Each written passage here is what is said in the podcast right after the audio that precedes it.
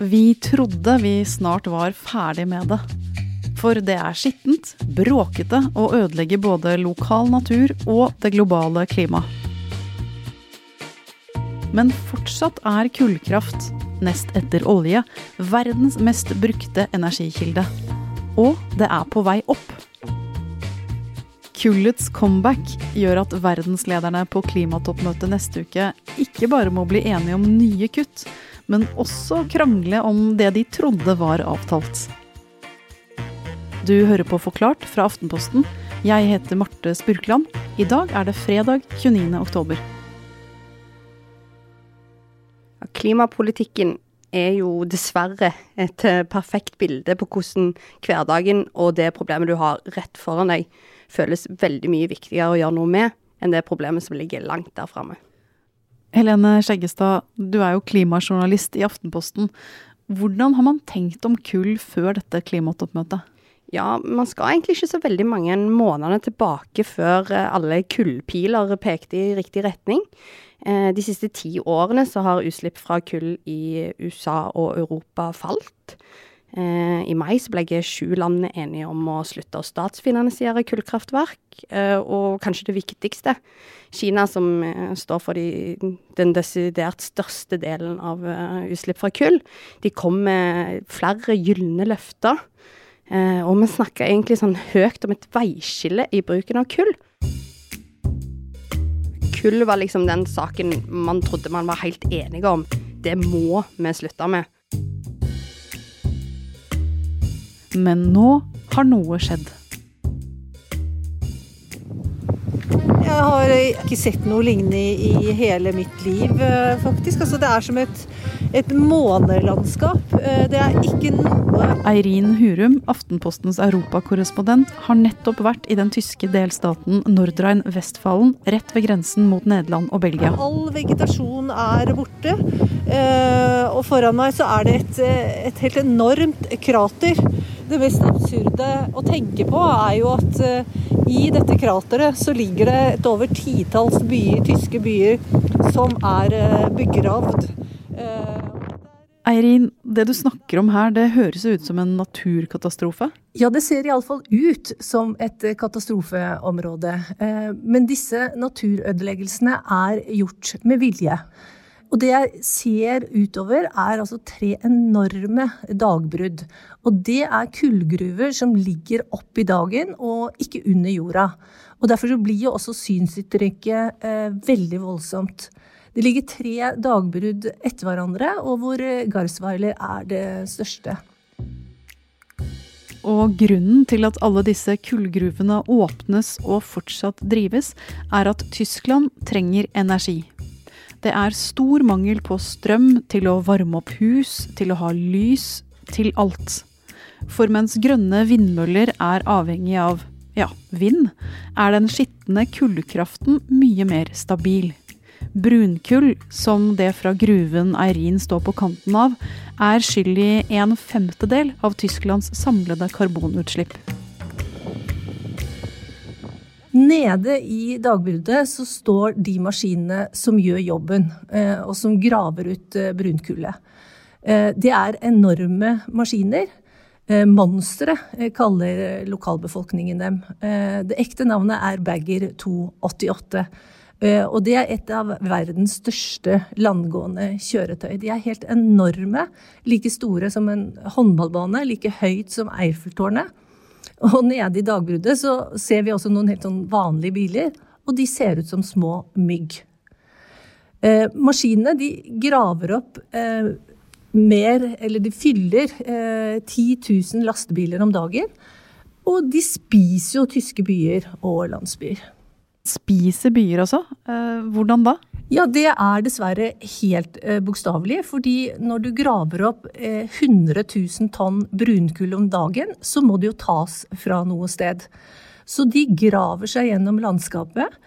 Eh, og for at produksjonen skal bli eh, mest mulig effektiv, så må landskapet rundt være ryddet for alt. Så hus og bygninger eh, er selvsagt det viktigste som var bort, men også vegetasjon og planter. Og Derfor så tar de grunnvannet, det er noe av det siste de gjør, og da dør alt. Over 30 30 tyske landsbyer er slukt av kullgruver allerede, og et titall står på dødslisten. Men i disse landsbyene bor det folk. The mine is still coming closer, and you think about it every night. Every night you think about what is the best way to. Is it better to stay or to leave? Folk som er blitt fanget i det Helene Skjeggestad kaller kullets perfekte storm.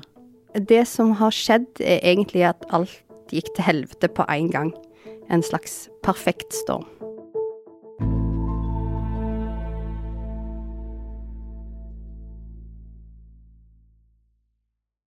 Eirin Hurum, hva skjer med folk som bor i de byene som må rives for at monstermaskinene skal grave ut kull?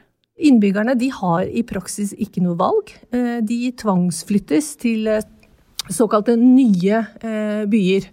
Og da vi besøkte en av dem, altså Imirat f.eks., så var det ingenting igjen.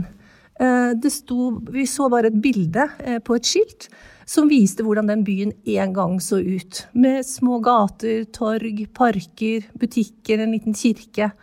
Uh, og de som en gang bodde der, de er da altså for lengst flyttet til det de da kaller Neue i Mørat.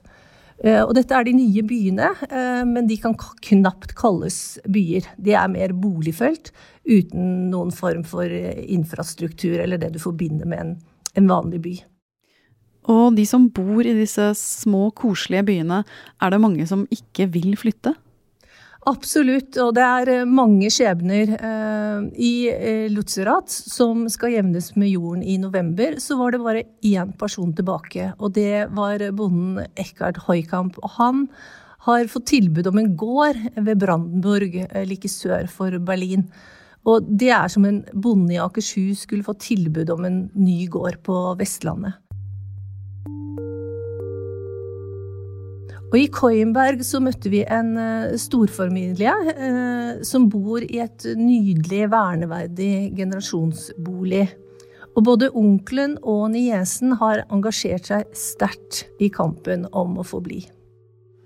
And um, as you can see, this farm is uh, like a castle. If you close the front door and the back door, it's you feel safe. But the mine is still coming closer, and you think about it every night. Every night you think about what is the best way to. Is it better to stay or to leave? I feel sad and angry. But you want to stay here yes. for the rest of your life, yeah. even though you are a young person. Yes, I want to stay here. Yeah. Maybe I will move for a few years, but I will definitely want to come back in future. De håper jo på et under, og at eh, maskinene skal eh, stoppe opp. Men det ser jo ikke spesielt eh, lovende ut.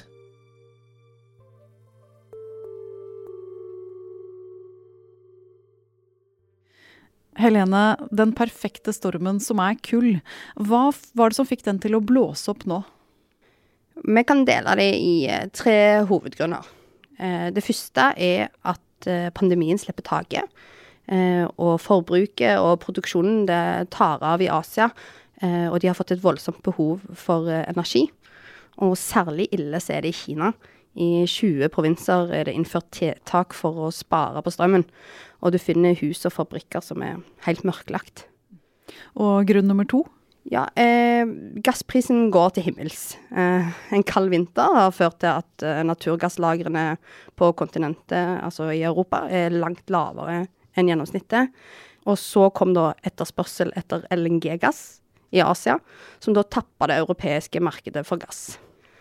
Og til slutt da så har det blåst ganske lite, og det blåser fremdeles lite. Eh, Europas vindkraft går, og har gått eh, langt langsommere enn i et normalår. Eh, og nå kommer kulden. Og gjennom alt det som gjennom denne stormen, så står det en trofast, men svært skitten energikilde, og det er kull. Og det er da man ser at det behovet trumfer de langsiktige målene om å fase ut en hel industri som er skitten, da?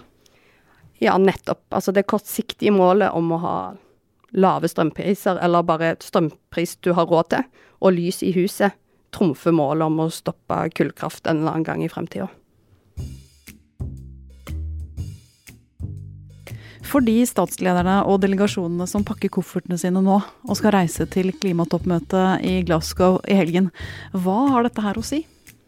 Altså, helt enkelt sagt, skal vi klare å begrense oppvarmingen til 1,5 grad, som jo er målet, så må vi slutte med kullkraft. Eh, men det sier seg sjøl at det er vanskelig å være den lederen som eh, går foran og vedtar en sluttdato eh, for kull, hvis befolkningen sliter med rekordhøye strømpriser, ja, hvis de sitter i kalde og mørke hjem fordi man står midt i en strømkrise.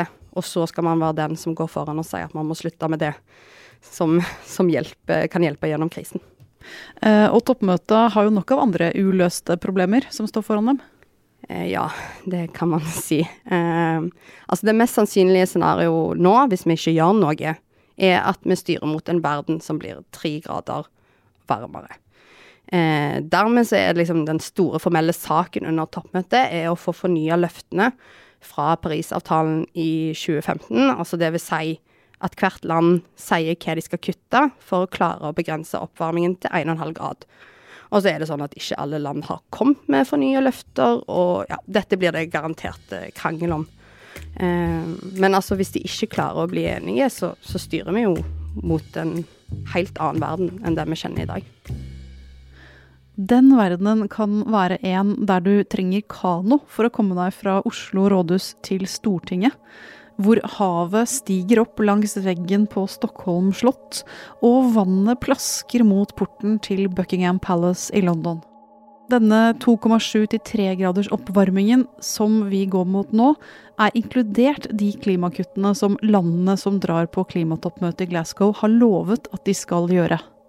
Og blir det så mye varmere, blir vi ikke bare våte på beina. Det vil bli flere ekstreme hetebølger, mer tørke og matmangel, og mange flere klimaflyktninger. Det er ikke uten grunn at uh, verdens ledere håper man skal klare 1,5. Uh, men så er det sånn at hvis man lander på to, så er det en hel verden av forskjell fra tre grader.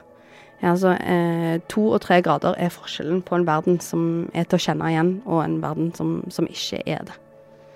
Så det haster. Og man får håpe at dette toppmøtet gir resultater. Og forventningene er litt blandet. Torsdag for et par uker siden var 95 år gamle dronning Elisabeth i Cardiff ved åpningen av det walisiske parlamentet. Og noen filmer dronningen mens hun står og snakker med hertuginnen av Cornwall og en walisisk politiker. Og det er ikke så lett å høre hva som blir sagt, men dronningen snakker visstnok om klimatoppmøtet, og man kan høre ordene 'irritating' Og hun skal visstnok også si 'they talk, but they don't do'. Helene, konkret, hva kan verdens ledere bli enige om som faktisk utgjør en forskjell? Nei, man kan jo være litt enig med dronning Elisabeth, det er det sikkert flere som er. For mange vil jo si at de kommer ikke til å bli enige om noen ting. Men det er allikevel veldig viktig at disse toppmøtene finnes. I to uker nå så skal man høre få ørene tuta fulle av klima, om eh, fremtidsscenarioer, man skal lese om mulige løsninger. Næringslivet får vise seg frem. Eh, man ser grasrotbevegelser som mobiliserer. Og det er egentlig det viktigste med dette toppmøtet. At det, at det finnes, og at det, det kommer jevnlig. Men så blir det sikkert noen små byggeklosser som kommer på plass. Vi burde kunne forvente at alle land skjerper klimamålene. Det burde de ha gjort for lenge siden, men, eh, men eh, bedre seint enn aldri. Men det er liksom det meste vi kan forvente oss. Men toppmøtet blir ingen revolusjon, mest sannsynlig. Og det betyr nok også at beboerne i småbyene nordvest i Tyskland må vente en stund til på sin energirevolusjon. If you think about what you are losing and what you are getting, and you're losing uh, and I am losing with my family um, uh, a lot of life quality in this old place where we live, and we don't want to go in a new home with new houses and stones everywhere, no trees. Here we have everything, so we want to stay. Tyskland, som ellers er et foregangsland for det grønne skiftet, de skal jo først legge ned den siste gruven i 2038. Så det er jo 17 nye år med gruvedrift. Og da kan man jo bare gjette på hvor mange flere byer som må ofres.